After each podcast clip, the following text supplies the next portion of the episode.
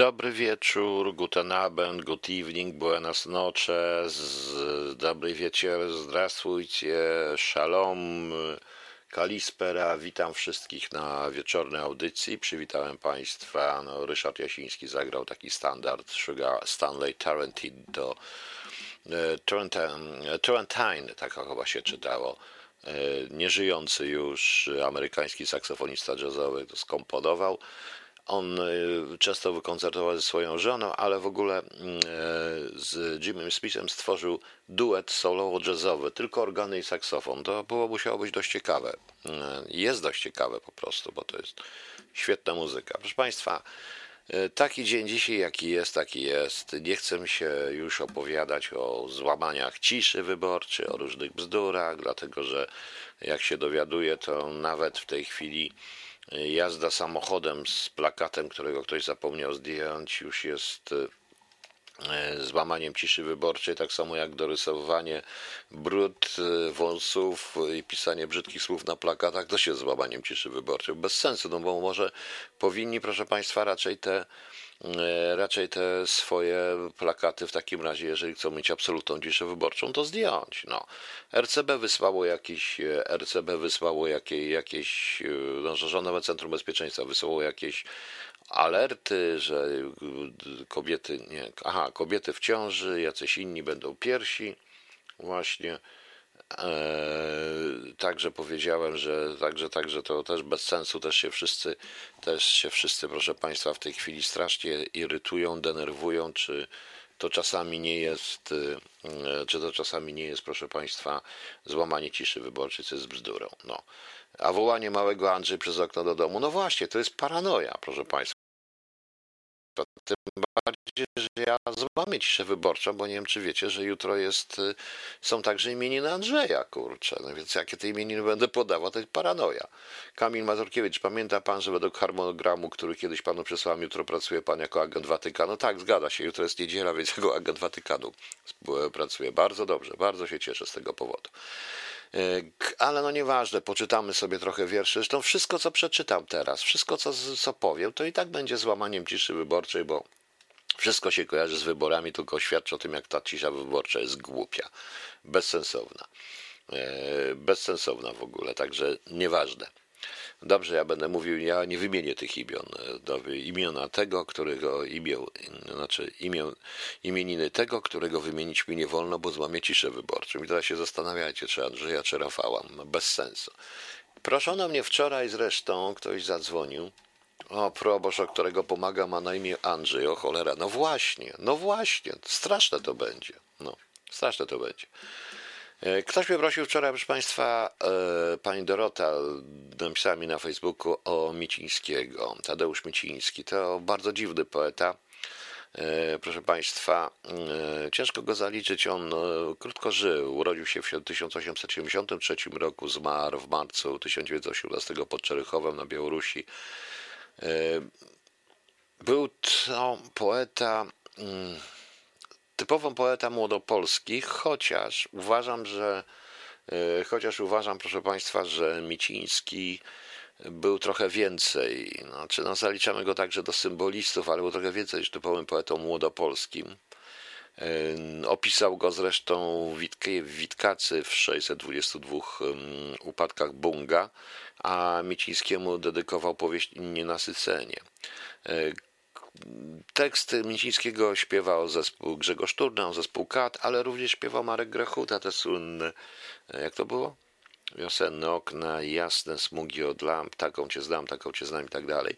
Ale to nie tylko to. Miciński pisał bardzo symboliczne wiersze, zresztą on sam zajmował się tym, czym lubili się młodopolscy e, ludzie, młodopolscy poeci i artyści zajmować generalnie ezoteryką. Nawet Raymond się nie obrodził przed różnego rodzaju e, tak zwaną ezoteryką, jakimś okultyzmem, e, te wszystkie Madame Bławackie, te inne, no to tarotem, innymi sprawami, ale nieważne, pisał świetne wiersze w ogóle, proszę Państwa. Jest w tej chwili nieznany, ja zresztą Państwu przeczytam dwóch mam dzisiaj poetów, tych wierszy trochę będzie, bo to dzisiaj trzeba poczytać wierszy troszeczkę. E, jeden z pierwszych wierszy, który Państwu przeczytam, to będzie Jeden, to są dwa, to są dość długie, ale to jest Trismegista. Proszę Państwa, żeby to było mm, wyjaśnić, to Trismegista to jest jedna z kat w tarocie, ale pochodzi to od tak zwanego Hermesa Trismegistosa. To um, Hermes po trzykroć wielki lub trzykroć największy, Mercurius ter Maximus to jest tak zwane synkretyczne bóstwo helenistyczne powstałe z połączenia greckiego boga Hermesa, egipskiego Tota, inspirowane również mistycznymi prądami judaizmu i magią e, żydowską.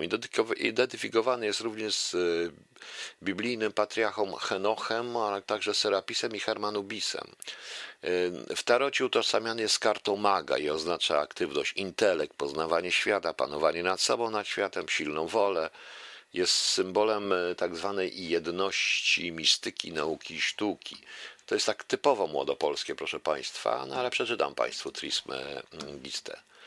Widziałem cię, ach, piękną tchnieniem zgonu w magnetycznym świetle mórz polarnych, lica białe wykute ze szronu i mrok pustyń nieruchomo czarnych. I leżałaś w trumnie zbłękitniona, tak leśni monstracja w nawie, drzew prawiecznych szumiały ramiona, w czarnym łożu konał księżyc mgławic. A tam morze kłębiących się białych obłoków, jam nad piekłem, kościół z kratami więzienia na łańcuchu księga mych wyroków i łzy moje jak tarcze z płomienia. I Rozwarłem bramę tych cmentarzy, gwiazdy rzeką płynęły podziemną, krew rozlałem na stopniach ołtarzy, słońce, Boga, co litość miał nade mną. I płynęła na łodzi tortura, blady gromnic odbitych w głębinie, jak cherubin migotały pióra, jak wąż pełzam w zimnej rozpadlinie. I wykułem serce z lodów bryły i na skrzydłach rozogniłem runy i wydarłem wnętrza, które zgniły, z gwiazd gasnących uczyniłem struny pancerz i w złote bisiory w sali broków, gdzie żarzą kolumny zmarłych, sądzę i męczę upiory, w świat żywy przykuwam do trumny.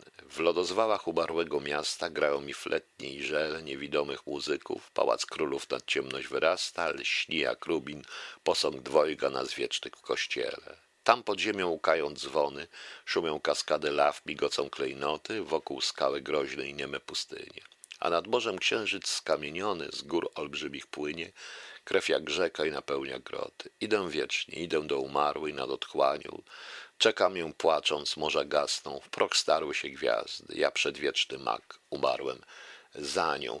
E, proszę Państwa, e, Pani Marto, bursy dzisiaj nie, bursy dzisiaj nie, nie będzie. Ale dobrze, Bursa też jest poetą nieznany już chyba w tej chwili. No, wracając do Micińskiego, ja osobiście uważam, że nie byłoby Leśmiana, gdyby nie było Micińskiego. Leśmian się kiedyś nawet do tego przyznał, że częściowo te jego neologizmy. Poza tym widzimy również u Micińskiego nie tylko symbolizm, troszeczkę parnasizmu, ale także, także futuryzm. W niektórych wypadkach futurizm, proszę Państwa. Dwa wiersze e, dość. Nie zapomnijmy, że to są, że on żył również e, e, w zaborach Miciński głównie. I przeczytam Państwu dwa wiersze dotyczące właśnie bezpośrednio Polski. Tak mi ojczyzny mojej żal tak żal. Minęła ona jakby sen, jak sen. Była królewną spośród hal i borów. Piersi zakute miała w stal, włosy jak len, oczy jak głąb wieczorów. Wróg jej pokrwawił łańcuchem skroń i zamurował w grobie. I tak ją zwiesił nad ciemną toń, skutą za ręce obie. Przychodzą do niej ruskie cary, olbrzymy z lodu i piją rdzawe krwi puchary mękę narodu. Słuchaj, przyjdzie Jan groźny z malutą, prosząc się w swaćbę dla syna, każ, aby rozkuto tę dłoń, co sztaby zgina i wypij do dna krew z czarnych smoków, ojczyzno moja. I wiedz, że z lodów mocną jest zbroja, a miecz wykuty z oków. Ty carewicza uściślij w łożu, oczyma zmień go w głaz. Potem na pola idź w złotym zbożu, gdzie kosi stary włas. Jemu się pokłoniasz do ziemi, bo on twój dzierży ród. Z nim pod lipami pachnącemi módl się do gwiazd swych. O cud! Młoda Polska to widać również po Wyspiańskim. Oni byli już zniechęceni powstaniami, wszystkimi rzeczami, byli bardzo tragicznie, co widać zresztą, co widać zresztą w bardzo ciekawym wierszu, bardzo trudnym zresztą, Hymbanity, E, Mieciński stosuje to tak zwaną prozę meliczną w pewnym momencie, zorientujecie się Państwo. To jest długi wiersz, jeżeli chcecie, to e, oczywiście nikogo nie proszę, żeby o słuchanie, e, ale widzę, że trochę ludzi jest, to to w porządku. Posłuchajcie tego, bo nazywa się Hymbanity. Idę wciąż nocą i nocą, nade mną skrzydła łopocą, nie widzę kraju własnego, nie widzę moich ziomków, jedynie czarne chóry, co zwodzą głupich tomków. Nad ziemi kres ponury idę, gdzie wyje ocean, wiążą mnie wieczne mury, a śpiewa we mnie pean. Na koń wyrywam się z cieśni, chcę złych słów złowrogiej pieśni, nie bardem być, nie pelikanem, który rozdziela swe łono, ale czarnym oceanem, co pieśń nuci niezgłębioną. I gwiazdą otwiera swe łono na koń. Ty płomieniące serce, jak żagiew świeciłoś w noce, zwiodły mnie serdeczne moce, a teraz mroki klnące mnie sycząc otaczają. W takiej ciemności niegdyś Suworow miał wyrżnąć Pragę. Otchłani mi trzeba jarów, zaśpiewam wtedy wam sagę. Przed Chrystusem czarnym w rozświetlonej katedrze zebrał się lud na pasterkę. Biedne robotnice ze starego miasta, których łzy są w wiedrze głębokiej studni, starcy, których lice mówi o nędzy, co nie odparta, na koniec się wedrze i rzuci w rynsztok. Widziałem powstańca starucha.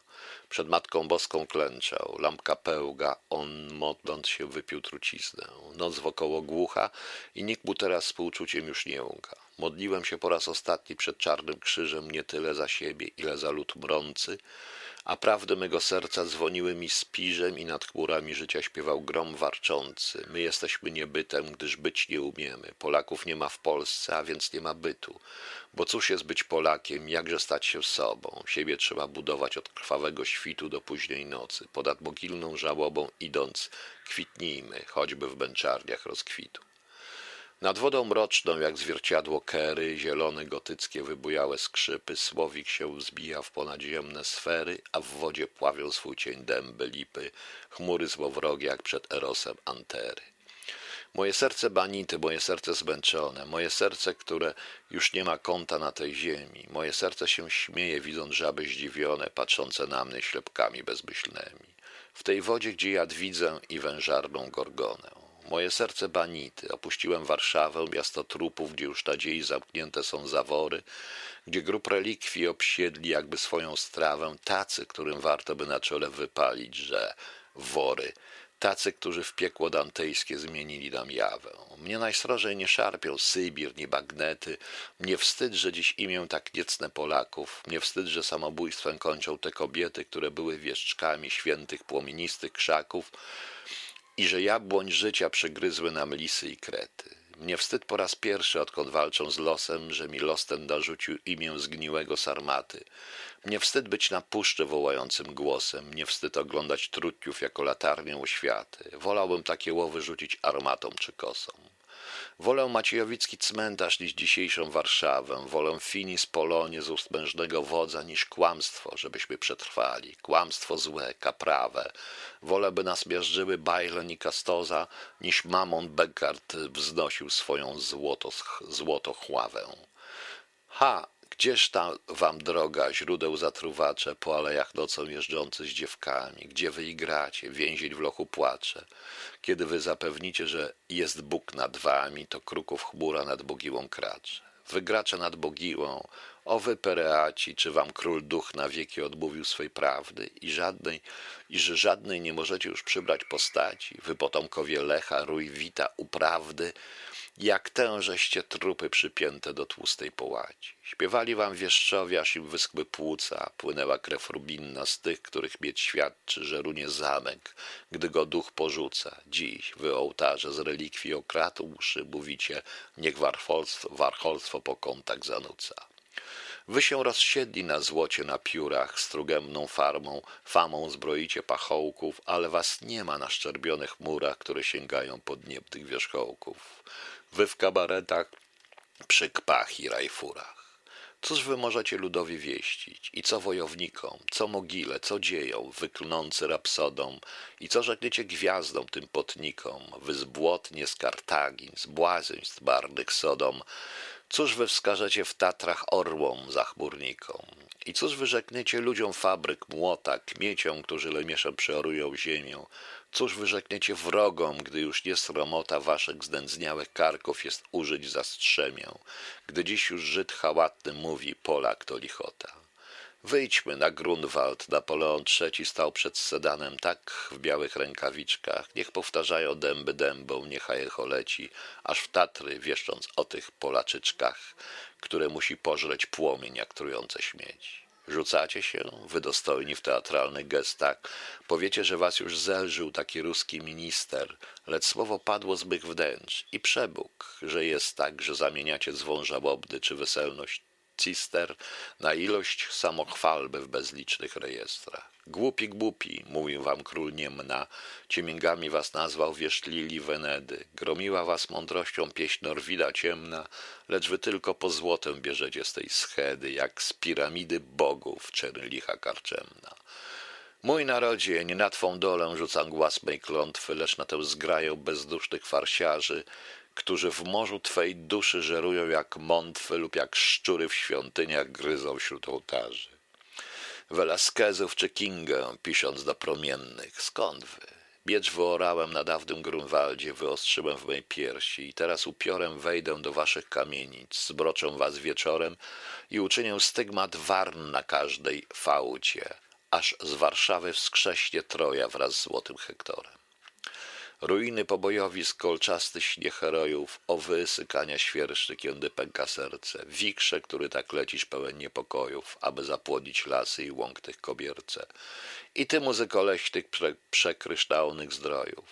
Czemu me serce banity w ziemię piach się żera? Czemu szuka wśród zmarłych, co śnią pod kurhanem, usosem nadborskich, Litwy bohatera, który runął na bestię z Polakiem i Hanem, długie lata się czając, jak płowa pantera?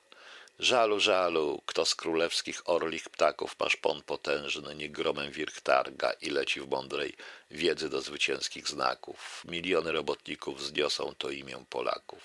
Druidów ogniem pali się ta wieża, gdzie serca płaczą tylko po zwycięstwie apokaliptycznego, kryję w sobie zwierzę, aby wstać z otchłani, nie dość powstać w męstwie. Wszystko przetwórzmy z nowego przybierza. Każde serce niech dzwoni promieniejącym czynem, niech się nie wstydzi legion nadwiślański trzeci czwartaków kolumny, niech będzie wawrzynem, własna dzielność, nie prawo do łez wśród wyrodnych dzieci. Niech Polak będzie batorym, a nie possewinem. Niech pogardza bałością, brudem, zaprzedaniem, niech potrafi umierać, lecz i żyć potrafi, niech rzeknie sobie wstanę, wtedy wszyscy wstaniem. Niech przejrzy pęta podłej złotodajnej mafii, niech pracuje uczciwie nad nowym zaraniem. Kiedy nie będzie zdradzać każdej mężnej warty, kiedy słowa odczynów nie będzie tchórz grodził chińskim murem, wtedy powstanie wśród nas Bonaparte lecz długo Polsko będziesz się tułała. Wśród głuchych ziomków dbących w orzech pusty, dużo Wisły upłynie, nim mogilne ciała poczują dek w sobie, odrzucą chusty. Kruki nas będą dziobać i będzie kapała nam w tęskne oczy z wszystkich rynien dachów bezmierna gromnica głupstwa i lichoty. Odpędzam czarną myśl, koła wyciągnijmy z piachów, roztwórzmy bramy w kraj obiecanej olbrzymiej roboty. Witam cię, Chryste, nad polskim ugorem, moknący w szarudze żelazną koroną. Musi się koronować na walkę z głupoty potworem. Ty, zmieniany przez wszystkie koncylia, jesteś oną światłością zakrytą trocinowym worem. Chryste, bądź żywym lub odejdź, nie obrzucaj mrokiem, my chcemy słońca żywego, jak człowiek z krwi, przed własnych, niech Prometej zgina się wyrokiem, z własnego trybunału wstaje naród lwi. Młotem Tora uderzmy w kowadle szerokiem, jak Wisła i Bałtyk, Karpaty i step. Na brzegach Parany zbudujmy okręta, przez Himalajów idźmy mroźny źleb. Serca zjednoczy wielka góra święta, kochajmy ziemię i firmament nieb.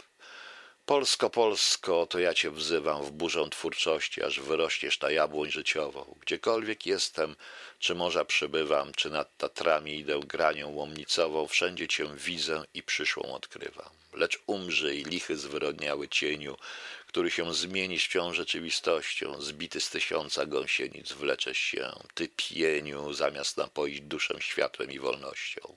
Świat zbudujemy własny z, w swym nowym sumieniu, świat rytmu z słońcem, z ziemią i boskością. Błyście król wężów, słońce ponad mądrym bludem, przeobrazi nas król duch nowym swoim cudem i stanie wśród warsztatu, gdzie wszystkie ramiona stężyły się do czynu i wznoszą bierwona, bierwiona i życia nowego dom budują Polsce. No jak, fajny? Podobał się Państwu? Uf, ciężko to, ale to jest właśnie Miciński. No nie mógłby być on zbyt popularny, jak Państwo widzicie. Ja wiem, że chcecie bardziej plotek politycznych dzisiaj, a nie takich wierszy, ale ten wiersz jest dobry. Zresztą to nie koniec wierszy, bo jeszcze będą. Potem będzie fragment historyczny. Proszę Państwa, jest taki poeta, którego już w tej chwili mało kto zna. Nazywał się Kazimierz Wierzyński. Urodził się w 1894 roku w Drochobyczu. E, kończył filologię polską, filozofię, romanistykę. Naprawdę nazywał się Kazimierz Wirtschlein. E, był zwolennikiem Halera. Razem z Halerem e, pierwszą wojnę światową spędził w szeregach Legionu Wschodniego z Halerem. Trafił do niewoli rosyjskiej. Po powrocie brał udział w, po powrocie z niewoli brał udział w wojnie bolszewickiej. Prowadził zresztą przy naczelnym dowództwie Biuro Propagandy. E, następnie, proszę Państwa, był e, razem z Tuwimem, założył grupę skamandrytów. W 1939 roku ewakuowano Lwowa. Stamtąd uciekł, zdołał radę uciec. Współpracował z Instytutem Literackim w Londynie i Radiem Wolna Europa. Zmarł 13 lutego 1969 roku w Londynie. Napisał kilka wierszy, e, między innymi, proszę Państwa, e, wiersze, które chcę przeczytać, e, dość no też jeden wiersz, który chciałem przeczytać, proszę Państwa, tylko jego nie można opacznie zrozumieć. To jest wiersz na rozwiązanie Armii Krajowej, proszę Państwa, Wierzyńskiego. To jest pierwszy wiersz. To będzie się wiązało z tematem, do którego dojdę później, po przerwie muzycznej. Na rozwiązanie Armii Krajowej. Za dywizję wołyńską, nie kwiaty i wianki, szubienica w Lublinie, ojczyste majdanki, zasygna na północy, bój pod Nowogródkiem, długi urlop w więzieniu, długi ze skutkiem, zabój o naszą rossę, ostrą brabę Wilno, sucha gałąź lub syłka na rozpacz bezsilną. Za dnie i noce śmierci, za lata udręki, taniec w kółko, raz w oczy, a drugi raz w szczęki, za wsie spalone, bitwy, gdzie chłopska szła czelać, list gończy tropicielski dopaść i rozstrzelać, za mosty wysadzone z ręki robotniczej, węszyć, gdzie ktoś się ukrył, psy spuścić ze smyczy, za, wyso- za wyroki nakatów, za celny strzał krysta, jeden wyrok do tiurby, dla wszystkich do czysta, za Warszawę, Warszawę, powstańcze zachcianki, specjalny oddział śledczy, przyłożyć do ścianki, Proszę Państwa, e, Wierzyński był e, bardzo e, zwalczany nie tylko przez cenzurę PRL-u, on przecież pracował dla wolnej Europy, ale również przez część emigracji, ponieważ tak jak Sikorski chciał rozliczeń za wiele rzeczy, proszę Państwa, i to jest poeta, którego, o ile wydawano Miłosza w podziemiu, którego notabene nie lubię, a już mówię wprost, nie lubię Miłosza, niestety nie E, nie wydawano Wierzyńskiego. Ok, następny wiersz Wierzyńskiego. Rozmowa w bibliotece. Weź mnie stąd, z górnej półki, z za szkła biblioteki, wyjmij z opraw skórzanych i wyprowadź z ksiąg. Chcę wrócić jak emigrant z podróży dalekiej, z papieru, z martwych liter, żywy do twych rąk. Zawołaj mnie po prostu imię moje wymów, gorącym głosem roztrąć szkielety mych słów. Wyprowadź mnie z tych książek, uwolnij mnie z rymów i z potrzasku oswobódź zatrzaśniętych strof. Chcę iść ulicą nocną, podawdę twe okno, gdzie ongi przez rolety twój wzywał mnie cień, raz jeszcze być samotny w tą nocą samotną i jeszcze raz szczęśliwy obudzić się w dzień. Nie umieć nazwać oczu twych ani postaci, ani smutku wysłowić w zawiłości zdań. Naprawdę czuć, że jeśli się ciebie utraci, rozpad słów nie wykrztusi przez ściśniętą krtań. Naprawdę wrócić w ciemność, przez którą ogromem powietrze ślepych natknień, jak huragan szło. O szczęście, uderz we mnie wielkim niewiadomem, zniszcz książki bezrozumne, rozbij zimno szkło. No właśnie, to był Wierzyński. I ostatni wiersz dzisiaj, proszę Państwa. E, wiersz Wierzyńskiego również. E, lekcja konwersacji, nie mów o Polakach i Żydach. proszę posłuchać uważnie, jakie to jest aktualne, pani Magdo. Nie mów o Polakach i Żydach, to pole minowe. Nie mów o Polakach i Ukraińcach, to pole minowe. Nie mów o Polakach i Czechach, to pole minowe. Nie mów o Polakach i Litwinach, to pole minowe. Nie wstępuj na pole minowe, wylecisz w powietrze. Są jeszcze inne, na które wstąpiliśmy przedtem i także nie ma o czym gadać. Tak było dawniej, tak jest teraz i tak będzie zawsze, póki będziemy paść się na łące zacietrzewionych osłów. To właśnie był Wierzyński, proszę Państwa. E, poeta, którego nikt nigdy nie prosił o żadną kolaborację, który rzeczywiście był. E, ten tekst powinien być paragrafem kodeksu karnego. Który tekst? Bo nie wiem. E, także widzicie Państwo. A, wraca Pani do Micińskiego. Oczywiście, że wspomniał, bo oni w tych mitologiach wszystkich żyli. Tu, to jest zresztą pewna parabola, gdzie pokazuje, że Polska Chrystusem narodów w ogóle się nie udała i odwołuje się do innych mitologii, w których oni jednak jakoś się przetrwali. No właśnie, Miciński, Wierzyński. Teraz tego nikt nie uczy, proszę Państwa, i chyba nie będzie uczył, ponieważ to. Dobra, ale wrócę do tego. Ale e, powiedzmy e, jeszcze o paru rzeczach. Jak wiadomo, dzisiaj jest rocznica, e, rocznica Krwawej Niedzieli i Rzezi Wołyńskiej, prawda? E, ja już napisałem, co ja na ten temat myślę. Dzisiaj również napisałem na Facebooku, proszę Państwa, coś w rodzaju takiego małego manifestu, ile to można nazywać e, manifestem. I to chodzi o to, że ja nienawidzę generalizacji, jak Państwo wiedzą. I właśnie dlatego tak napisałem, że że przestrzegam przed generalizacją. Za masakrę ludności polskiej na Wołyniu odpowiada określona, zdefiniowana grupa Ukraińców z podznaku Tryzuba. To OUN, UPA, to Bandera, właściwie Melnik, bo Bandera był wtedy internowany, ale już kolaborował i przygotowywał to z Niemcami. Nie wolno nam obciążać czynami tych ludobójców e, całego narodu. Nie możemy pozwolić, by rząd w Kijowie pozwalał, umożliwiał celebrację ludzi, których powinno osądzić Norymberdze się. Bandyci mordercy i kolaboranci od początku szli ręka w rękę z Niemcami, mordowali Polaków, Żydów, Rosjan, ale także i Ukraińców. Nie wolno stawiać im pomników, ani ich imieniem nazywać ulic. My o tym pamiętamy. Rząd w Kijowie też powinien o tym pamiętać. Nie wolno nam przechodzić nad tym bez słów potępienia. Również dla dobra Ukrainy. I tak osobiście uważa, proszę Państwa, no mam że po tej dyskusji się rozgorzała. Powody, że tak zwanych polskich panów i tak dalej, i tak dalej, ale nie można. Tego nie można, proszę Państwa, e, to nic nie usprawiedliwia. E, ja rozumiem opór, bunt. E, myśmy też nie byli mili w stosunku do Ukrainy, ale nikt nikogo nie piłował żywcem, nie robił zbrodni. Natomiast bardzo dzisiaj ciekawy jest z panem Piotrem Zychowiczem wywiad w Onecie nazywa się Całe rodziny Polaków z nożami w plecach. I Piotr Zykowicz woła, skonał w osamotnieniu. Tak. E, głównym tezą tego jest, kiedy Polacy ginęli dzień po dniu, polskie podziemie przeżywało paraliż. Polakom pomogli Niemcy i Sowieci. To wielki paradoks, e, mówił pan Piotr e, Zychowicz. Sytuację wewnątrz Armii Krajowej symbolizuje spór między Kazimierzem Banachem a pułkownikiem Kazimierzem Bobińskim, który jeden prosi o pomoc dla Wołynia, drugi grozi mu berezą kartuską. E, Piotr Zychowicz twierdzi, że Wołyniacy zostali zdradzeni przez Polskę, czyli byli zarzynami, nigdy panowie się mm, kłócili. To jest symbolem tej naiwności w ogóle, jest właśnie tragedia Zygmunta Rumla, tego człowieka, który E, usiłował negocjować z Ołunem i z upowcami, został praktycznie rozerwany przez koń. E, UPA mordowała Polaków w 98 miejscowościach. Przez kolejnych dni zabito ponad 10 tysięcy osób. Prawdą jest, że Wehrmacht e, uzbrajał, pomagał, uzbrajał tam, gdzie mógł, uzbrajał Polaków. To jest paradoks i ogromna paranoja, proszę Państwa.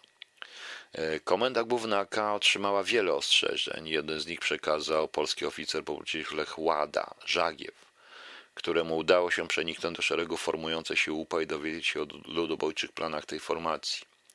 Ten raport dotarł do Londynu. Niestety polskie władze go zignorowały, podobnie jak inne alarmujące raporty, np. meldunki Biura Wschodniego Delegatury Rządu na kraj. Uznane zostały za panikarskie i przesadzone.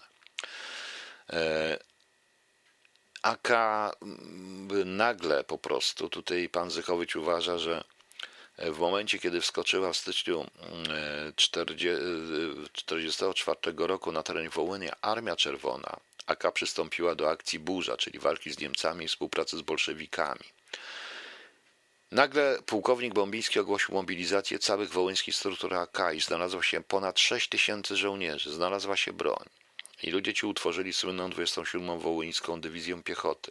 I wszystko było za późno. Gdzie byli wcześniej? Ta mobilizacja powinna zostać ogłoszona rzeczywiście pół roku wcześniej.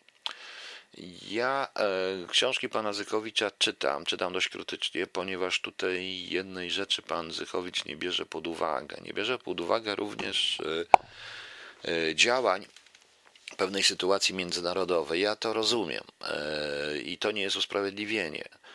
Tak się składa, że nie zapomnijmy cały czas, że Anglicy, e, znaczy rząd brytyjski tolerował, e, tolerował, po prostu uśmiechał się cały czas i kokietował Stalina. E, w jego strukturach praktycznie, to bardzo ważnych, odpowiedzialnych również za politykę wschodnią Churchilla, funkcjonował Kim Philby, Burgess, Blunt, czyli cała piątka z Cambridge. E, rząd polski w Londynie liczył się, może za bardzo liczył się po, z ze stanowiskiem rządu, e, rządu brytyjskiego, proszę Państwa. To też trzeba wziąć pod uwagę. Z drugiej zaś strony, Niemcy, którzy stworzyli na początku dość, na samym początku, jak weszli w 1941 roku na Ukrainę, stworzyli dość przyjazne warunki dla powstawania i dla konsolidacji, komasacji tego typu grup nacjonalistów ukraińskich, kierując ich przede wszystkim do e, walki z ruchem partyzanckim czyli również z Polakami i Rosjanami, ale przede wszystkim do eksterminacji Żydów.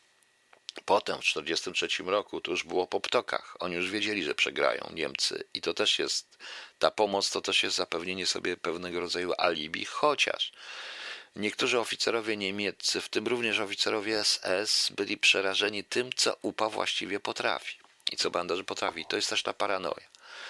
Yy, yy, Pan Piotr Zychowicz napisał również opcję niemiecką i szczęściowo się z tą opcją niemiecką, z tą książką bym zgodził, tylko że też pan Piotr Zychowicz nie bierze pod uwagę jednej rzeczy. Opcja niemiecka po 1 września mogła być już tylko i wyłącznie zdradą. Była niemożliwa. Jeszcze do 1 września, może do 2, 3, do pierwszej egzekucji, proszę państwa. E, e, Panie Piotrze Marżbit mówi, to pierwsze egzekucji była możliwa, potem już była tylko zdrada, ale tutaj pani Marżbit, ja wiem, panie Piotrze, mało się mówi, jakie to były kresy. Od kiedy byli tam Polacy, jakie były relacje między grupami etnicznymi, było tam bardzo wielu Żydów. Tak, oczywiście, ja wiem, jakie to były kresy. Dokładnie zdaję sobie sprawę, zdaję sobie sprawę również z tego, że e, w Katyniu Rosjanie wybili elitę. Tutaj na ogół byli ludzie, którzy byli E, zwykłymi, normalnymi wieśniakami, prostymi ludźmi. Tych nigdy nikt nie broni. I to jest też ciężar, e, którym powinno się, i to też jest ten element historii. I tu brawo, że pan Zychowicz ma odwagę to powiedzieć, chociaż styka się z ogromnym hejtem. Ja też za to, co mówię, stykam się z ogromnym hejtem, ale prawda taka jest. Nikt się tymi ludźmi nie interesował tak naprawdę. AK było w tym tam na Wołyniu przynajmniej stało się nagle elementem walki politycznej pomiędzy Churchillem a Stalinem. Tak na dobrą sprawę. E, tak na dobrą sprawę. Podobnie zresztą jest chyba jednak z powstaniem warszawskim. Wierzyński, przeczytałem ten wiersz Wierzyńskiego, gdyż Wierzyński to wyraźnie napisał, czuł to, widział to, może dlatego był tak bardzo niepopularny w tej całej w tym, e, w, w środku tej całej migracji. To arcyciekawe, to jest arcyciekawy temat. Temat, proszę Państwa, którego będzie, e, którego nie rozwiążemy tu i teraz. Ale jak wiem, o historii trzeba rozmawiać i trzeba rozmawiać tak, jak powinno się o niej rozmawiać. E, czyli obiektywnie, więc w tym wypadku również e, tłumacząc, nie tłumacząc, tylko również zastanawiając się nad nad przyczynami w ogóle Wołynia i rzezi wołyńskiej stosunków polsko-ukraińskich trzeba również mówić o naszych błędach i to błędach Piłsudskiego. Piłsudskiego, co oczywiście wszystko zmierza do tego, że nie wolno usprawiedliwiać ludobójstwa. Myśmy popełnili błędy, ale myśmy nie prowadzili ludobójstwa. Powtarzam jeszcze raz, akcja Wisła była błędem, była ogromnym błędem, była generalizacją, przed którą zawsze przestrzegałem, ale akcja Wisła nie polegała na mordowaniu dzieci, na e, wypruwaniu brzuch, dzieci z brzuchów kobiet ciężarnych i zaszywaniu i wsadzaniu tam kotów, bo to są takie opisy i piłowaniu ludzi żywcem. To muszą potępić również Ukraińcy. Ja rozumiem, że oni budują swoją tożsamość i muszą zbudować na czymś tą tożsamość, ale no, tym bardziej, że w tej chwili są w sytuacji, w której zdaje się, że zbliża się to, co, czym zawsze mówiłem, czyli tak prawdę mówiąc podział Ukrainy, na który przymknie oko również Europa, bo susza, jaka jest na Krymie w tej chwili, na terenach zajętych przez Rosję, a dostawy wody pitnej i źródła wody pitnej są po drugiej stronie tej innej Ukrainie, w związku z czym w związku z czym Rosjanie mogą jednak chcieć zdobyć więcej Ukrainy, zrobić, zmienić status quo Ukrainy i zrobić tego kraj, który, będę, który będzie ewidentnie antypolski, ponieważ e, tu jest jeszcze jedna rzecz, a to jest tradycyjnie to, co nie mówił, e, to, czego, czego również nie mówi pan Zychowicz. Mniej więcej to nawet pisze Sudopłatow i nie tylko Sudopłatow. W 1941-1942 roku NKWD podsyłało wielu ludzi w środowiska ukraińskie, przewidując, jeszcze wcześniej, od 1940 roku, przewidując mniej więcej, jakie będzie e, Przecież oni by stali mocno na ziemi i wiedzieli dobrze, jaki jest stosunek ludności ukraińskiej, szczególnie po wielkim głodzie do Rosjan usiłując tam y, penetrować tą sytuację. Najprawdopodobniej, i to jest tajemnica, gdzieś tam w archiwach Łubianki czy Kremla jest, czy Stalin wiedział o planowanych akcjach Bandery i planowanych akcjach OUN, OUN i UPA. Ja przypuszczam, że tak. Przypuszczam, że mieli tam bardzo dobre źródła i częściowo NKWD to także inspirowało, wiedząc ponieważ Stalin dokładnie przygotowywał się do zajęcia tych terenów już, a Polaków, no bądźmy szczerze mówiąc, lekko nie lubił, proszę Państwa. Sami widzicie. Sami widzicie, jak to właśnie wygląda. Notabene dzisiaj Oglądałem film, jest świetny serial. To jest serial francuski pod tytułem Apokalipsa II wojna światowa, składający się jakby z dwóch części. Jedna część to jest dwuczęściowy film Adolf Hitler, Adolfie Hitlerze, a druga to jest sześcioczęściowy film o tej wojnie. Jest niesamowite, bo nawet z tego filmu wynika tak naprawdę, że gdyby nie Amerykanie i nie Rosjanie, Hitler mógłby wygrać tą wojnę. E, Francuzi ze swoją naiwnością, naiwnością, niechęcią w ogóle do walki. Anglicy ze swoją butą, idiotyzmem po prostu.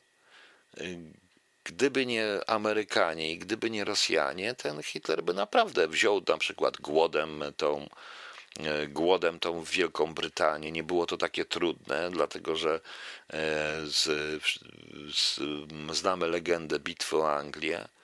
E, Hitler przestraszył się strat i zaprzestał bombardowań i zaprzestał, ale w tym czasie, kiedy była bitwa o Anglię, angielskie lotnictwo również było prawie że zniszczone. Gdyby to wszystko pociągnął wraz z blokadą e, morską, być może by, być mo, może sytuacja byłaby zupełnie inna i na szczęście tego nie pociągnął.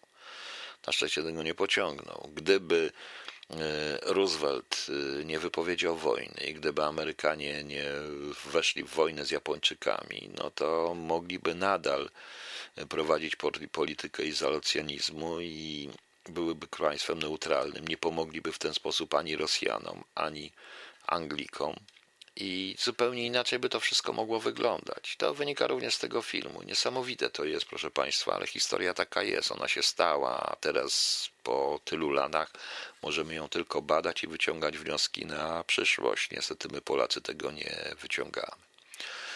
A szkoda, proszę Państwa, a szkoda. E, ja jeszcze wrócę do, bo chciałem powiedzieć trochę o dwóch filmach Leni Riefenstahl potem, bo to też tutaj zwróciło mi o pewnym cytacie, który dla mnie był z zaskoczeniem. ale to wszystko Państwu powiem. Okej. Okay.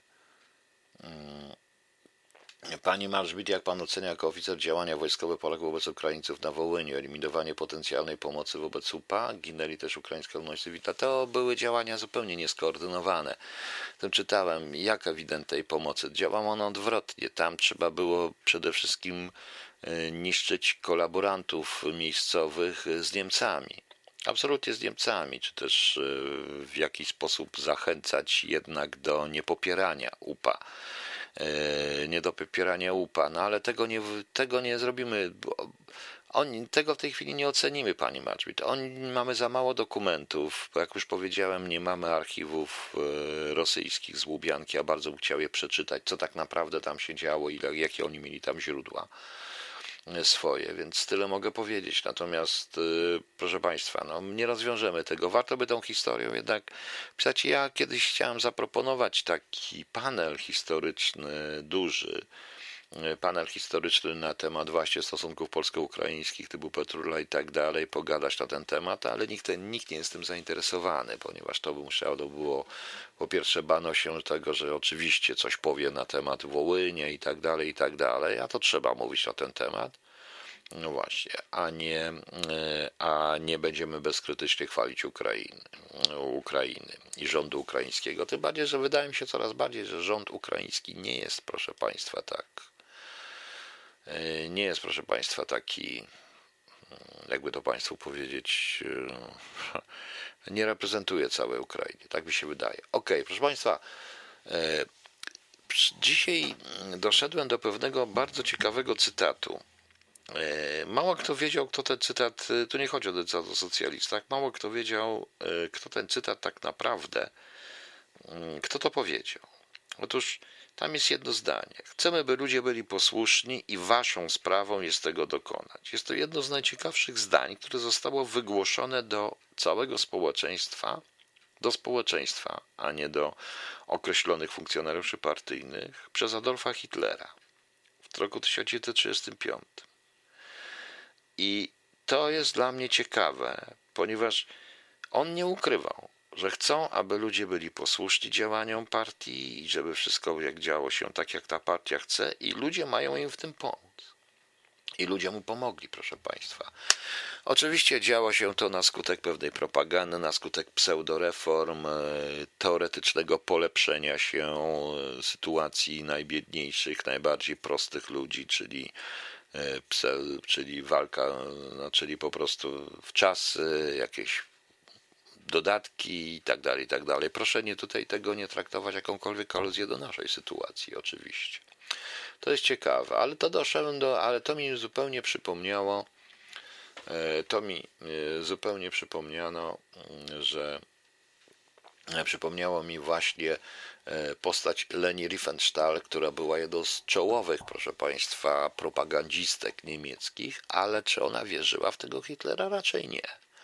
Ona po prostu była jedną z lepszych dokumentalistek na świecie. W tym samym czasie również dla Stalina i w ten sam sposób działał Dziga Wiertow, twórca pojęcia oka kamery, oko kamera, teoretyk, na którym chyba każdy reżyser, każdy dokumentalista się uczy. Na niej też, chociaż tego się nie można przyznać. Leni Riefenstahl żyła 101 lat w ogóle. Po wojnie pozwolono jej dokończyć bardzo ciekawy film pod tytułem Niziny, bo ona zaczynała w ogóle jako aktorka i jako, e, jako aktorka i jako e, reżyser. Nakręciła dwa takie filmy.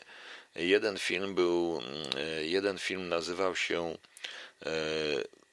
Błękitne światło z 1932 roku. To była taka swobodna parafraza opowiadania baśni braci Grimm. A później nakręciła, a później były dwa filmy, które były, z których była najbardziej znana. Pierwszy nazywał się Zwycięstwo wiary. To było Der Sieg des Glaubens, film z 1933 roku, proszę Państwa. Film, który Film, który nakręciła, to był sprawozdanie z piątego zjazdu NSDAP. Ale ten film on był wyświetlany tylko pół roku. Ona miała jechać nawet do Londynu z, bo wszyscy byli zachwyceni tym filmem, tam gra świat, świat i tak dalej. Problem tylko polegał na tym, że jedną z głównych postaci poza Adolfem Hitlerem tego zjazdu był niejaki Ernst. Więc y, pół roku później, po tym zjeździe, no może więcej, 8 miesięcy później, była Noc Długich Noży. I film w ogóle wycofano. Jest tylko jedna kopia tego filmu i ciężko ją w ogóle zobaczyć. I ten film wycofano generalnie. Ona się trochę wkurzyła, ale y, poproszono ją, żeby nakręciła drugi film, po prostu Triumf Woli. Triumf Woli jest trochę inny. On to rok później, y, również na tym zjeździe, na rok później dokładnie nakręciła Triumf Woli, film, który jest wszędzie pokazywany, w którym jest pokazywany, wszędzie, wszędzie pokazywany jako wzór filmu propagandowego, ale także jak wzór E, wzór e, robienia w ogóle generalnie filmu. Gigantycznego filmu. On był lepszy nawet, ten film Triumfoli jest o niebo lepszy od tego filmu o Olimpiadzie z 1936 roku, Leni Riefenstahl. I mm, film Triumf Woli jest troszeczkę inny od tego wcześniejszego. Tak, Olimpiada, ale Olimpiada jest e, dużo gorsza, powiem szczerze. Dlatego, że E, ona dogadała się wtedy z Albertem Szperem. W roku 1934 na ten zjazd Albert Szper już przygotowywał e, przygotował wystrój i on pożył zupełnie co innego. Ona się nie musiała tu bawić światłem i cieniem tylko, ponieważ Albert Szper e, zmusił właściwie Göringa po interwencji Hitlera, że mu wydał praktycznie wszystkie reflektory przeciwlotnicze, jakie miało niemieckie lotnictwo, jakie miało niemieckie lotnictwo i stworzył z tego tak zwaną katedrę światła, proszę Państwa. To jest niesamowite. I ten film rzeczywiście jest filmem dość dobrym, on jest przerażającym po prostu.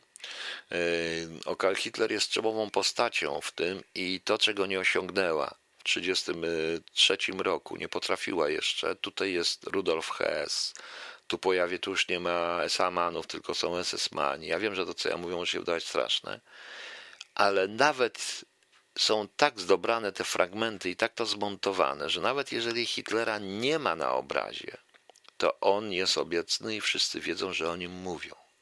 To jest ten przykład słynnego Rudolfa Hessa, który, z którym ona podobno ćwiczyła. E, Y, która jest podobna, ona ćwiczyła nawet rolę, tak jak to słynne przemówienie Hessa, że y, Führer to partia, partia to Niemcy, Führer to Niemcy. To słynne przemówienie Rudolfa Hessa.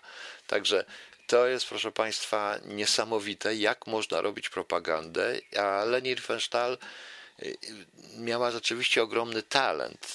Mimo wszystko ona siedziała troszeczkę w więzieniu po wojnie, ale, ale no ale no niestety, ale ją nie skazano, bo problemem jej, największym problemem był, był film pod tytułem Tifland. Tifland, czyli Niziny. Yy, co jest ciekawe, yy, Niziny zaczęła kręcić w roku, to był, miał być remake dźwiękowy filmu, niemego filmu z 1922 roku. To miało być taki o miłości, nie o miłości i tak dalej. E, na tym tłumaczeniu zresztą tej hiszpańskiej bajki pod tytułem Niziny oparty został film 1914 roku. Marta zniżył po prostu. Tam chodzi o to, że Pedro Pasta śpi w swojej górskiej chacie, tam takie, to jest taka legenda katalońska. Ona zaczęła to kręcić od 1934 roku, ale się nie udało i tak dalej, i tak dalej. Zarzucono jej, jak nakręciła ten film w końcu w roku 1940, notabene w Hiszpanii, rozpoczęła filmować, i potem w Alpach w Niemczech, że wykorzystano tam y, całą społeczność cygańską przywiezioną z obozu koncentracyjnego, która ona, o, którą ona potem odesłała do tego obozu, wiedząc co się dzieje. Y, czy to jest prawda, czy nie? W każdym bądź razie film został ukończony, później nie udowodniono tego, wręcz stwierdzono, że to raczej było niemożliwe. I w 1954 roku E, razem z Leni Riefenstahl e, ten film, e, ten film został zrobiony. Tifland. On został oparty na generalnie, to się ten film się opiera na, jeszcze na operze z 1903 roku, więc on został wyprodukowany. Umowę dystrybucji zabezpieczono tylko dla Niemiec, Austrii i Stanach Zjednoczonych. W Stuttgarcie odbyła się w 1954 roku światowa premiera. E, pokazany poza konkursem został w Cannes w 1954 roku. E, czy ten film rzeczywiście, jeżeli chodzi mm, e, Jean Cocteau, który był przewodniczącym tego jury w 1954 roku, stwierdził, że to jest y, coś w rodzaju Bruegla i poezji kamery. No. E, starał się przekonać również rząd Niemiec do tego, aby ten film jednak był w szerokim rozpowszechnianiu. On nie był w szerokim rozpowszechnianiu. E, dlatego, że ze względu właśnie na tą historię, dopiero w roku 1980 którymś uniewinniono ją całkowicie. Okazało się, że to jest nieprawda. Odnaleziono również tych ludzi, który, którzy, byli tam, e, którzy byli tam statystami do końca. E, no cóż,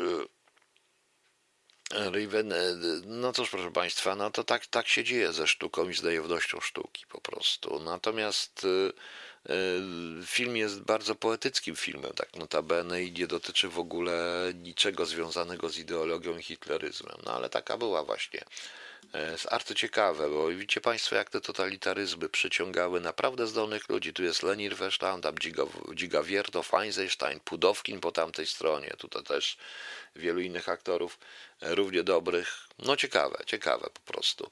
Legenda również głosi, ale to jest nieprawda, że Leni Riefenstein była i filmowała na polecenie, zlecenie Oberkommando der Wehrmacht, robiła film dokumentalny o wojnie w Polsce i Wyjechała z Polski i niby, że nie chciała cokolwiek robić, przerażona okrucieństwami Wehrmachtu, ale to jest nieprawda, ponieważ ona również filmowała, proszę pana, e, ona również, proszę państwa, ona również filmowała e, pobyt Hitlera w Warszawie w październiku, on, ta defilada w październiku 1939 roku w Ujazdowskich, to ona filmowała i stąd są te jej, to są jej filmy.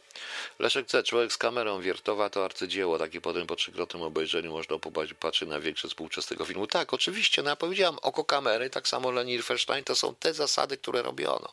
To tak samo jak e, słynne schody odeskie e, Eisensteina, prawda?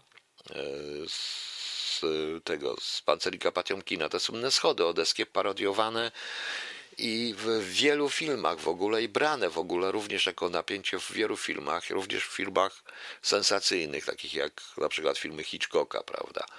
E, to, to jest tak, ale o tym może kiedyś zrobimy audycję. Ok, proszę Państwa, nie wiem jak to się Państwu dzisiaj podobało, czy się nie podobało.